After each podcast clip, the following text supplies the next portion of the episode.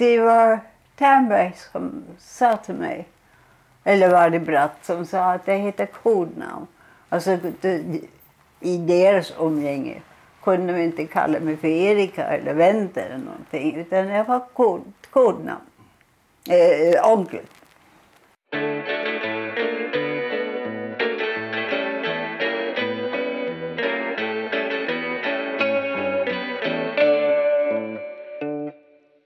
Äntligen ett nytt avsnitt av eh, Spionpodden. Jag är ledsen att det har strulat till sig men eh, man försöker överleva och eh, jobba med annat också.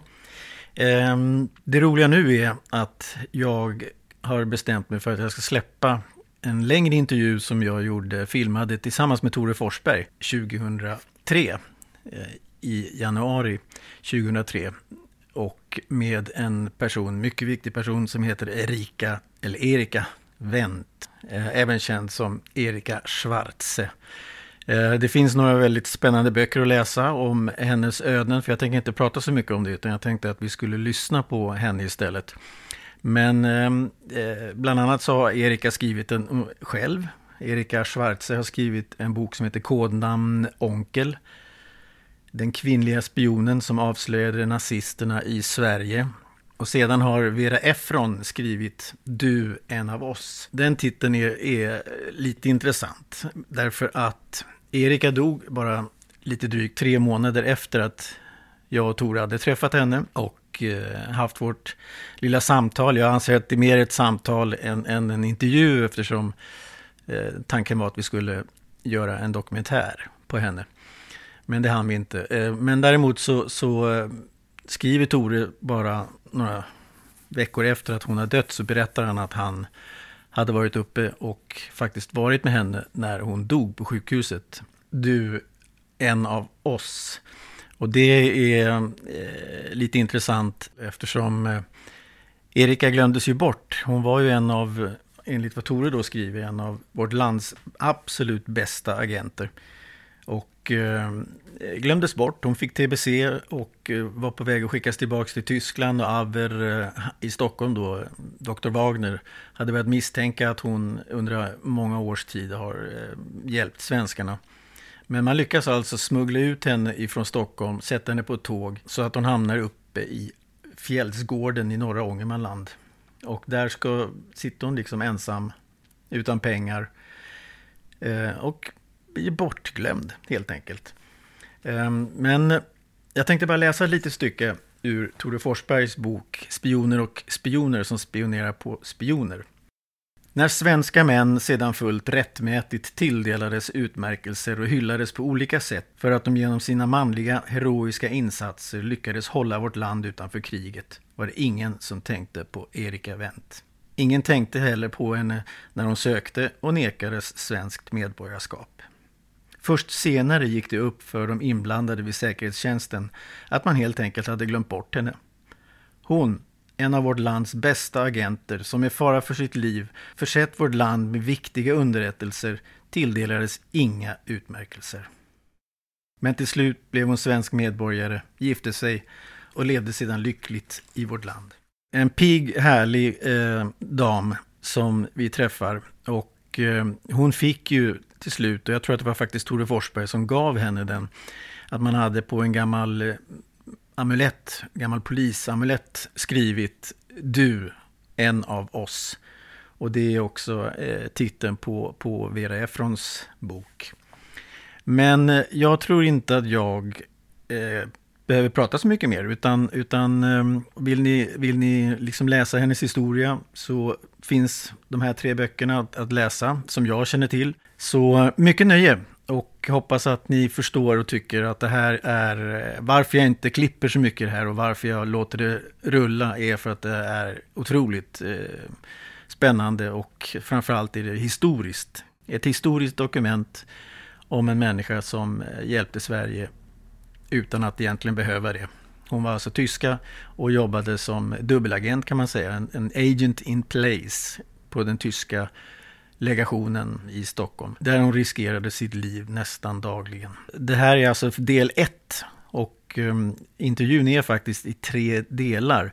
Så, så jag kommer um, att eh, dela upp dem i olika och sen kommer jag även uh, delar och sen kommer jag, eh, avsnitt kan man säga.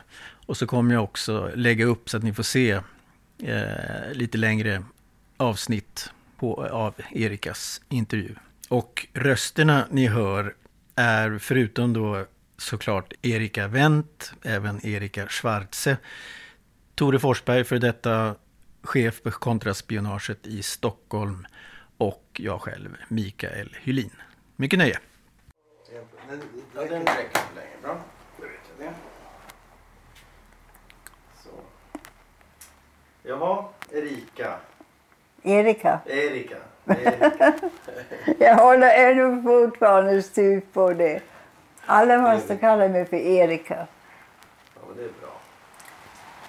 Jo, du, nu har vi pratat lite grann innan kameran sattes på. Så du vet ju lite grann varför, varför jag vill prata med dig eller varför jag och Tore vill prata med dig och varför vi vill att du ska berätta Ja, om, om dig själv. Du hade ju ett, eh, du en, en, hade ju ett smeknamn som Onkel. Eller ja smeknamn är kodnamn. Kodnamn. Kan du berätta Kodnamn. om för en oerfaren vad kodnamn kan betyda? Ja, ja, eh, det var Ternberg som sa till mig, eller var det Bratt som sa att det heter kodnamn. Alltså i deras umgänge kunde de inte kalla mig för Erika eller Wendt eller någonting utan jag var kod, kodnamn. Eh, onkel. Jag kommer ihåg att vem det var som sa att nu heter du onkel och jag skrattade. Onkel kunde inte heta någonting mer feminint än onkel. Men jag blev onkel.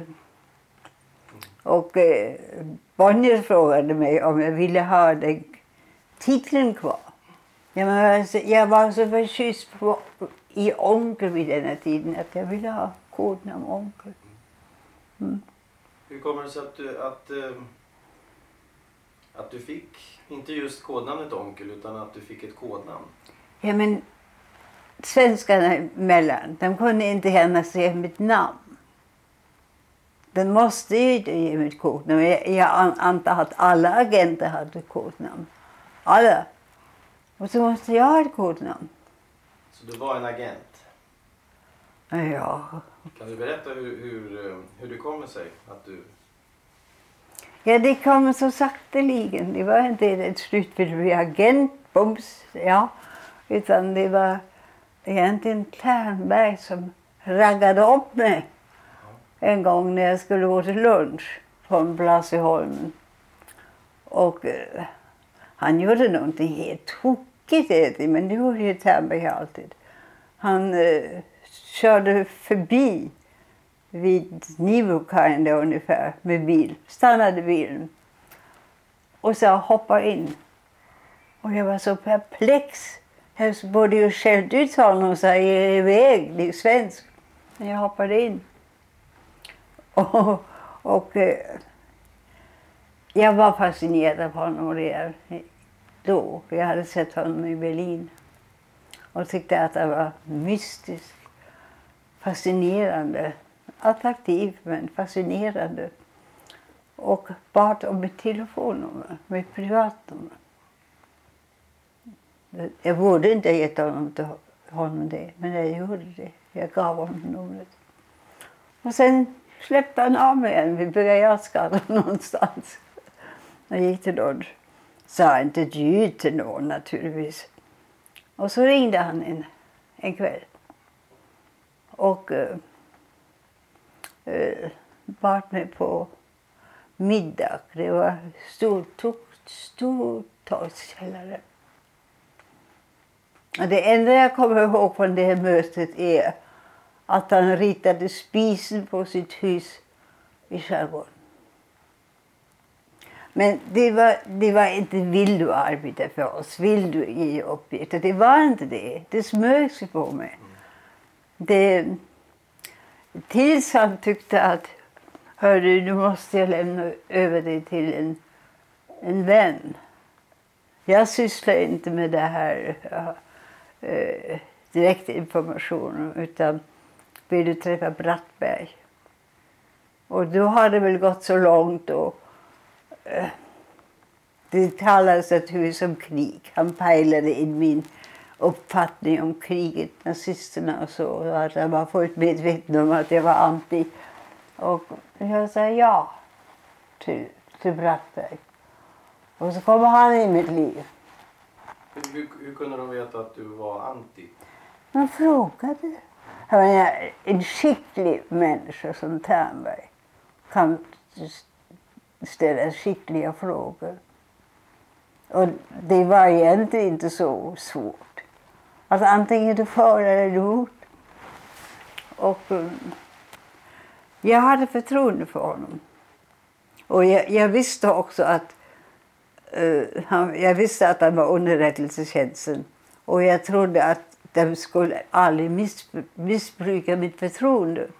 Om jag nu hade sagt att det var nog att han skulle, att han skulle springa till legationen och tala om hon är emot. Det visste jag. Det kände jag på mig. Och eh, då blev det väldigt små informationer. Sen kom Bratt och han var en helt annan typ. Han var inte så smidig som, som Ternberg var. Han var mycket smidig. Han var rakt på sak. Han var kapten. Jag blev major sen. Uh, han ställde direkta frågor. Han var, en... Det var en torres, men, men ganska trevlig torres. Och, han ställde direkta frågor och önskemål också. Vad jag skulle ta reda på. Får jag, får jag gå lite grann tillbaka? Ternberg, när, när, när du sa att du hade träffat honom i Berlin, kan du, kan du berätta lite grann om? Ja, det var knockout. Det kan jag säga precis att det var knockout. Det var hos uh, uh, Vorzimmerdame som det kallas i tyska. Det är en, en som sitter vid rummet före chefen. Hon heter Vorzimmerdame. Och pratade med henne. Och då öppnades dörren. Och in kom en herre som tittade på mig. Jag tittade på honom. Jag var absolut slagen. Och jag frågade Bets, vad hon heter sen, vem var det? Unser schwedische Freund, sa hon. Han gjorde mycket stort intryck på mig. Han var... Ja, han gjorde ett väldigt intryck. Bara, bara att se honom. Och när jag såg honom i Stockholm igen, då blev jag ju förvånad. Jag kände inte sammanhangen. Då blev jag mycket förvånad. Men jag hade förtroende för honom med en gång. Och den där knockout-stämningen den övergick väl en, en djup sympati för honom. Har du någonsin funderat på vad det var som gjorde att han kunde gå så fritt bland eh, både uppe i Stockholm och där nere i Berlin som svensk? Ja, kriget var alltid möjligt. Och Sverige var neutralt. Det var inte så underligt att de rörde sig i, i Berlin. Det, det tyckte jag inte var konstigt. Nej. Och överhuvudtaget att, att Sverige var neutralt, det var ju någonting nytt för mig. Jag hade ju upplevt Tyskland under krig, jag hade upplevt Norge under krig. Och det var en tråkig upplevelse i Norge. Uh, jag slog mig faktiskt på norrmännens sida. Jag tyckte det var för jävligt med de tyska soldaterna som trampade omkring där och förstörde en idyll som jag såg det. En, en, eh, en nordisk nordstat som var så fjärran från våld och krig och fiskade och gick på hytte och, och, och eh, höll samman. Och det var de tyska soldaterna som utstrålade en våg av hat omkring sig. Alla, alla norrmän hatade dem. Och jag hade, jag hade förståelse för det. Jag tyckte inte om det heller. Jag frågade mig, vad fan gör de här? Vad har de med att göra? Och eh, jag vet inte om det, det, var konstigt. Jag, jag, jag var i läsesalen och då blev jag utskälld för uppkäftighet av min, min eh, ledare, vad det heter. Och då sa jag att förresten ska jag vara i Auswertung. Det var evaluation, det var utvärdering. Och han var platt. Jag ringde till Berlin och frågade, sa jag. Och det gjorde han. Och då flyttades jag upp istället för ner. Och eh, jag tror att eh, Salzinger, det var den tyska förbindelsemannen till Ternberg på Åkarby. Han, han hade varit utbildad när jag kom till Norge. Han, han tyckte om mig. Och han tyckte om Ternberg. Det, det märktes. Men ingen människa fick ju se, säga att jag tycker om den eller den. Eller den. Vi gick inte. Ditt intresse för Sverige, hur, hur, eh, eller Norden, hur föddes det? Sverige, det var Gösta Berling. Och sen var det språket. Jag tyckte om språket. Jag gick till eh, universitetet i Greifswald där mina morföräldrar bodde. Och ja, nu vill jag lära mig svenska. Och då ställde en student upp. Och då gick jag min, då lärde jag mig svenska grunden i alla fall. Så pass mycket att jag kunde säga till den majoren som jag träffade på ett tåg hem som frågade mig vilka språk jag kunde. Och jag skröt. Jag sa engelska, franska, spanska och svenska. Och då hade jag köpt en svensk tidning i Berlin eftersom Sverige var neutralt så, så fanns det. Och det blev han väldigt imponerad av. Så att han... Jag blev inkallad till Prefur. Och eh, jag yttrade också att jag ville gärna komma utomlands. Jag blev erbjuden Paris. Jag blev erbjuden Bordeaux. Jag skakade på huvudet. Jag ville till Norden. Och sen kom Oslo. Oslo. Mm. Och det tog jag. Men där var jag tio månader, eller elva. Elva månader. Ja, från ja, tolv, tio. Från februari till november, till december. Vänta, får jag bara- Men Erika, kan det här eh, Gösta Berling, kan vi utveckla det bara en liten aning? Berätta. Ja, det är så gulligt. Ja, det var så romantiskt. Och så var det så främmande. Den där vidderna som de åkte i, i sled över med vargarna som hotade dem. Och den där, var hon inte grevinna? Men, men hur, hur kom du över boken? Jag fick den i prese- present av min mamma, av min pappa.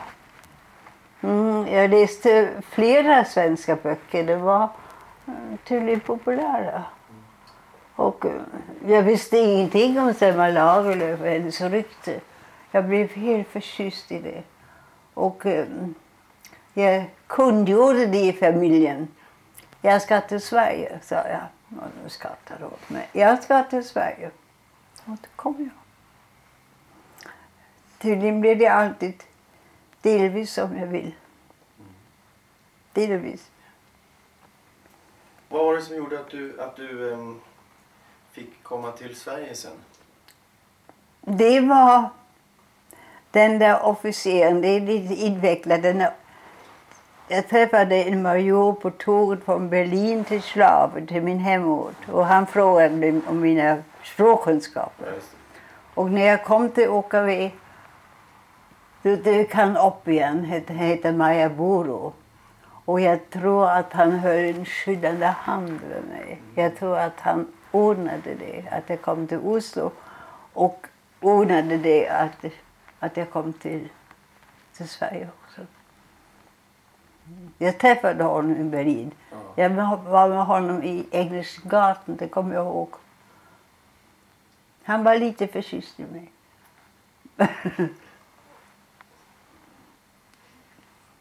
Och så kommer du till, till eh, 1942. Två. I januari. Hur gammal är du då? Eh, I januari, då var jag väl 22. Nej, kan vi räkna, räkna nu. 17 är jag född. Jag är född i september. Och då kommer du, och kan du berätta lite grann om, om um, Abwehrchefen Georg, eller George Wagner? Wagner, han, han, var, en- han var en njutningsmänniska.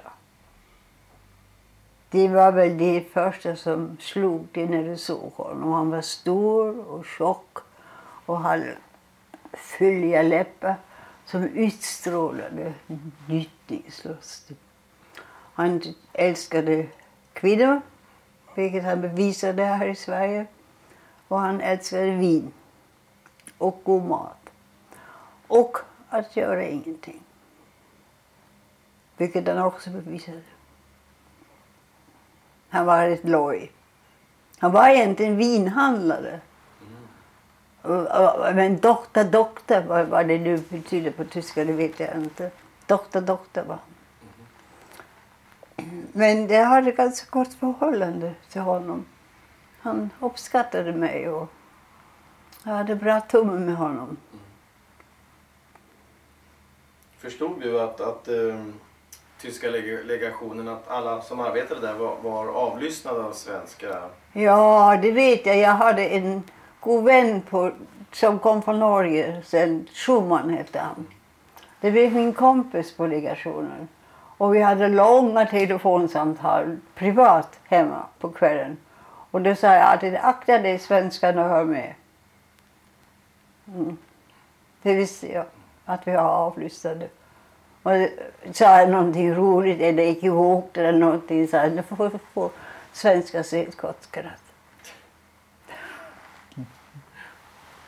Men gjorde du någonting, eh, påverkade du dina egna samtal för att, så att svenskarna förstod att du inte var nazist? Nej, jag tog helt avstånd från dem som lyssnade.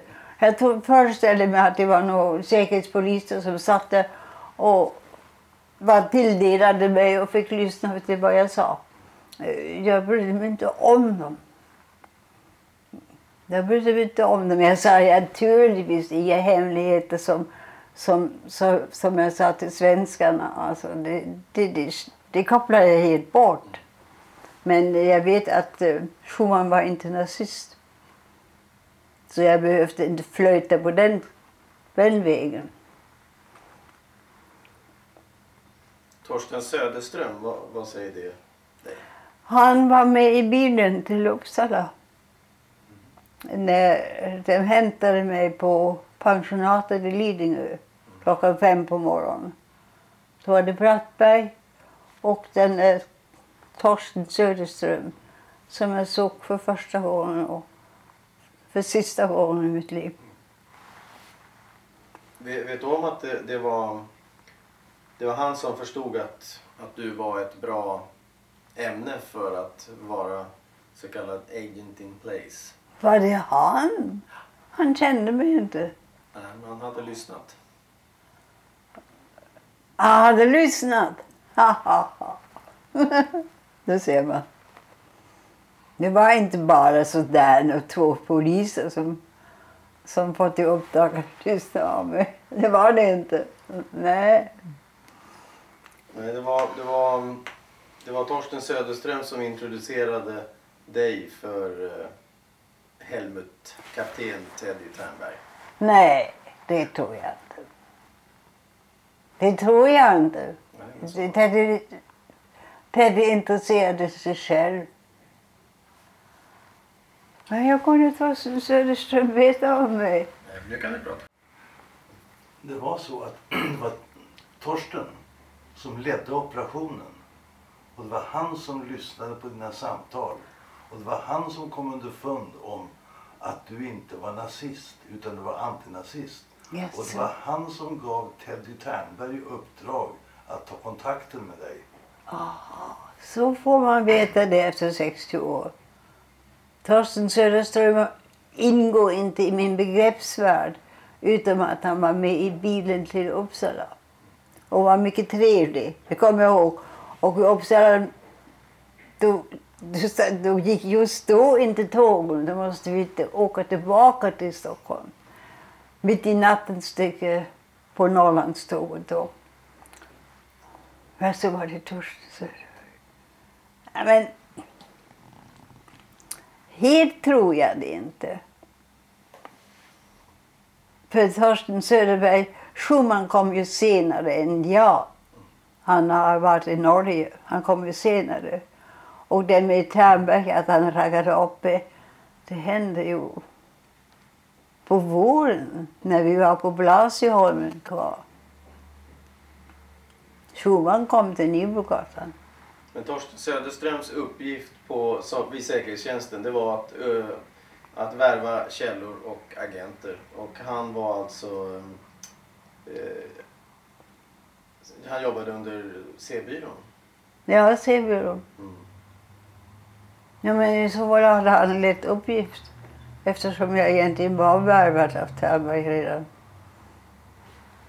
Ja, men Ternberg jobbade vid militär underrättelsetjänsten, alltså C-byrån. Och, och eh, Torsten Söderström var, var, den, var han som var chef och hade för uppgift att eh, se till att värva olika typer av agenter. Jaha, det är möjligt. Det, det kan jag inte lägga mig i. Nej. Det är möjligt.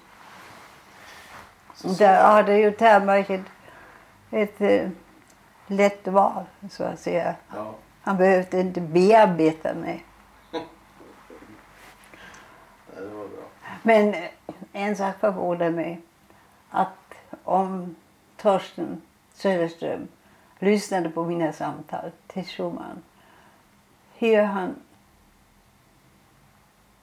fick ut att jag inte var nazist. Jag var så försiktig till Schumann. För att inte förråda mig. Jag sa aldrig till Schumann att jag inte var nazist och så. Det, det, det gick bland tyska och eh, en oskrivet språk. Att man märkte att den är nazist, den är inte nazist. Och fast Schumann aldrig sa att han inte var nazist så märkte jag det. Och därför hade jag också kontakt med honom. Men jag hade ingen kontakt med Ingrid Römer. Ingen alls. Kan du berätta lite grann om Schumann som du, har... Eh, har eh, han var en frustrerad tandläkare. Han var från Berlin, hade fru och ett barn tror jag. Och hatade hela militära, hatade Oslo, hatade Stockholm. Ville bara tillbaka, ha praktik och tandläkare. Så jag, och han fick skitjobben. När det var att följa någon människa och så. Då kom han alltid exhaust tillbaka och sa Jag svalt där igen. Vad? Va? Nej, det sa han inte. Fast han fick jaga agenter. Stå i uppgångar, stå i dörrar och, och han hatade det. Mm. Torsten då ansåg att eh, Erika var den hypotetiska kandidaten. Hon, kunde, under bedömdes kunna besvara frågor och mer därtill. Kan du... Med det till. Det är Kufes uttryckt. Frågor och mer till. Vad lägger du i orden? Eh, ja, att, att kunna inte bara besvara frågor utan just kunna kanske komma ut med eh, Kommentarer? information, kanske brev, skrivelser. Självmant med andra ord. Eh, Ja, alltså, utan att, att jag, jag tror att vad, vad de menar är att du inte bara kan bli intervjuad och kunna svara på frågor utan faktiskt komma ut med befintligt Nej men det har han rätt i. Alltså, jag tog det inte som ett uppdrag att den och den information ska vi ha och lämna den. Utan jag tog det som ett generaluppdrag. Att eh, meddela vad jag såg, meddela vad, vad som anmärkningsvärt, meddela besök och telefonsamtal eller allting som jag iakttog själv utan uppmaning. Det, det är väl det och med mera. Kan, kan du beskriva hur, hur, hur det gick till när du till exempel eh, beskrev om någon hade varit där? Ja, hur beskriver man det? Man säger att jag såg den och den och den tror jag det hette så och så. Det fick jag reda på. Och han är där, därifrån och, och eh, resten kunde de ju lista ut själva. Kommer du ihåg någon som du... Eh, Nej. Nej. Kommer inte ihåg någon. Eh, det, kontoret var så funtat att ingången till Wagner var direkt från ingången från trapphuset. Och sekreteraren satt här. Så man måste luska lite och vara lite uppmärksam. Eh, ett krux var onkel Albert. Eh, det var den, det stora frågetecknet i mitt liv. Pappi skötte jag. Och pappi var egentligen lättskött. Men onkel Albert var det inte. Men om jag nu ska tro det eller inte tro det, att han förälskade sig i mig. Onkel Albert. Så till min milda grad. Att han lovade mig guld och gröna skogar om jag behagade komma för honom. Och då tänkte jag på mitt generella uppdrag. Jag är inte fiende med honom, med honom utan spela spelet. Men han ska inte få mig i säng. Det satte jag med. Så jag var på middag med honom som han själv lagade. Men jag hade alltid för mig att han ska inte få mig i säng. Men det fick han inte. Men eh, han söp och eh, hällde på och hällde på. Och jag matade blomkryckan. Men, men Sam blev full och fullare och jag var bara nykter. Eh, sen slutade det. Jag vet inte hur det slutade. Jag tror att det var på svensk initiativ. Att de sa att du, du, du slipper prostituera dig mera nu. Jag, jag tror det. kommer du ihåg vad det var för information som du sökte under den middagen?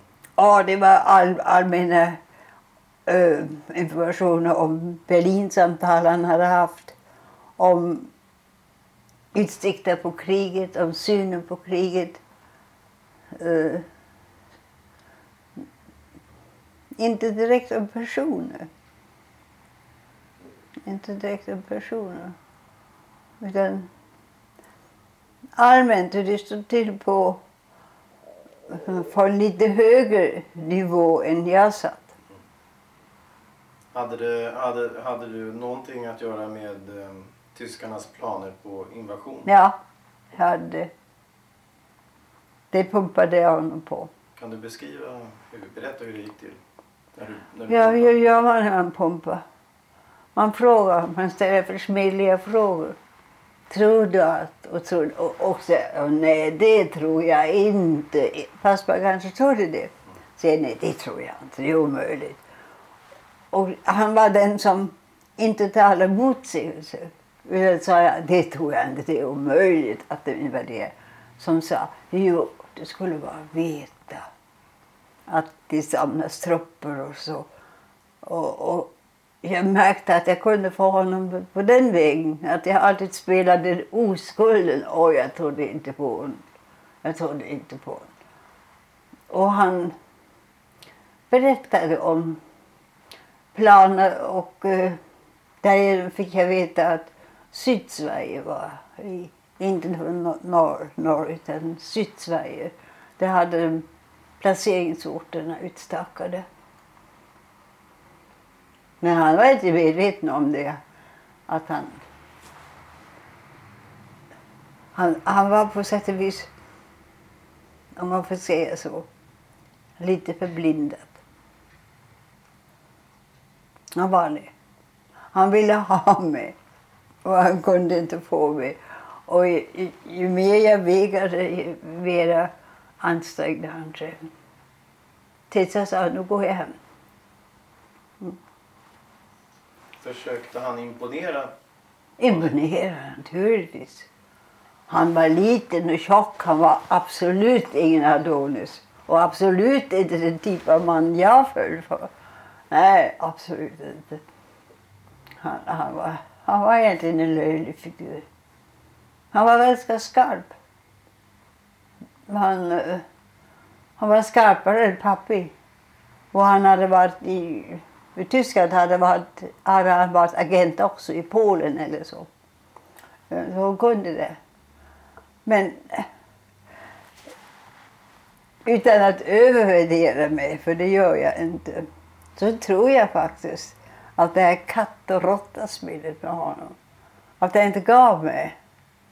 Det eldade upp honom. Hon vill ha mer, hon vill veta mer och så ungefär instinktivt jag kunde locka henne eh, att hon ger med sig. Och, men jag tror att jag sa det till Brattberg, nu går det inte längre. Nu kan jag inte hålla det mera. Alltså, eh, eh nu är det bara att gå i säng med honom eller sluta. Och jag slutade. Jag ville inte. Jag ville ja, verkligen.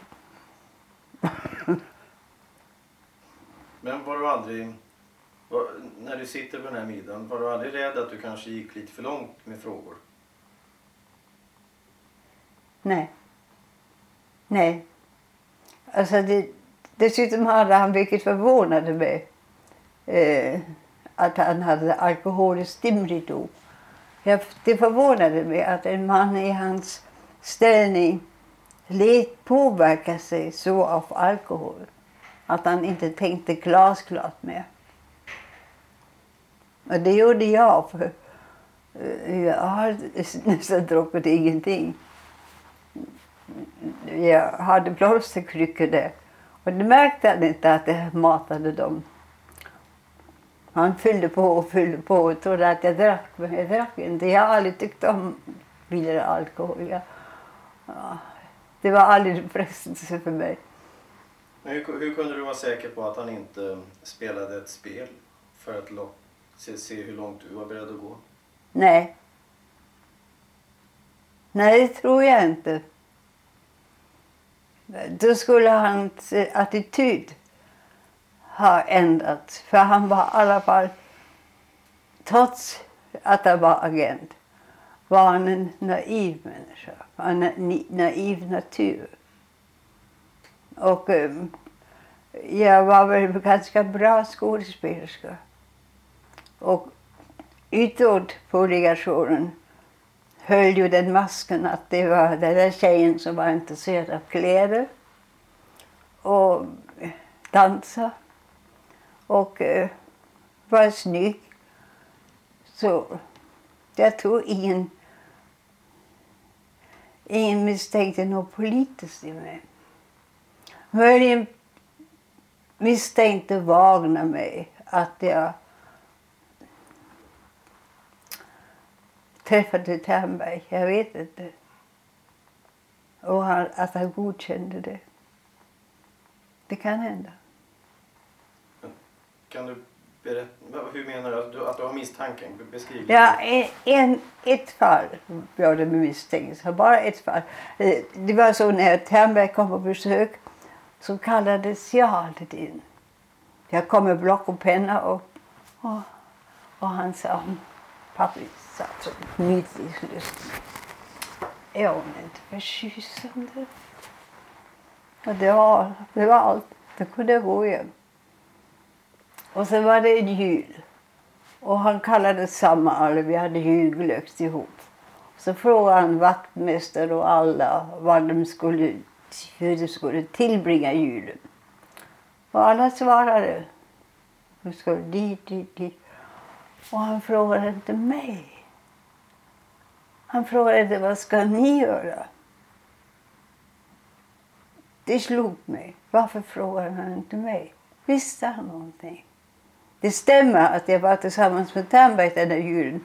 Men det var lite misstänkt. Då lät jag ju i Norrland. För, förlåt, när, när de sökte... Va? När de sökte efter... Nej, de sökte efter mig. Tyska legationen när jag hade hoppat. Det, det har jag hört av, av vem sen. Vet inte. Att eh, de sökte och att kanske pappa var lite loj. För Ternberg han, han hade en sån fräckhet och en charm. Och en charm som inte bara gick på, på kvinnor utan, den gick på män också, hans charm. Och att det, jag hade hoppat av, att han helt nonchalant trillade in på relationen och fick höra att jag hade avvikit. Och han som visste allt, han spelade förvånat. Jag så, jag så, jag så. Och lovade hjälpa till. Spel. Bara ett spel. Men jag tror, jag vet inte, det är bara en, en känsla jag har. Att pappi i grund och botten förstått mig. Han, han var inte någon karakar. Han var inte någon knäckt. Han var inte... Han var en fritidskarl. Och han omgav sig med hemskt mycket kvinnor här. Och hade till Fischer, det var sekreteraren för tre diverse alltså utgifter, för medicinska utgifter. Hade han. Så hon var väldigt arg på honom. Men jag tror att pappa hade viss förståelse men det var inte han som drev den här efterforskningen. För då var vi i Gestapo vid den tidpunkten. Jag låg på sjukhuset. Då var ju pappi avsatt och onkel Albert var chef. Och Gestapo var, var, var det som ockuperade var Canaris hade ju eh, tagits, hade han tagits. Redan. Det visste jag inte men han togs ju. Och därför tog ju sekreteraren livet av sig. Vår sekreterare. Hon hade hennes bästa väninna var kanariesekreterare och då hade hon skrivit med kurirposten att ett mycket öppna brev. Och sen ville det till i hennes hjärna när hon trodde att det kunde skada henne. Och så hon gick i vattnet och dränkte sig här.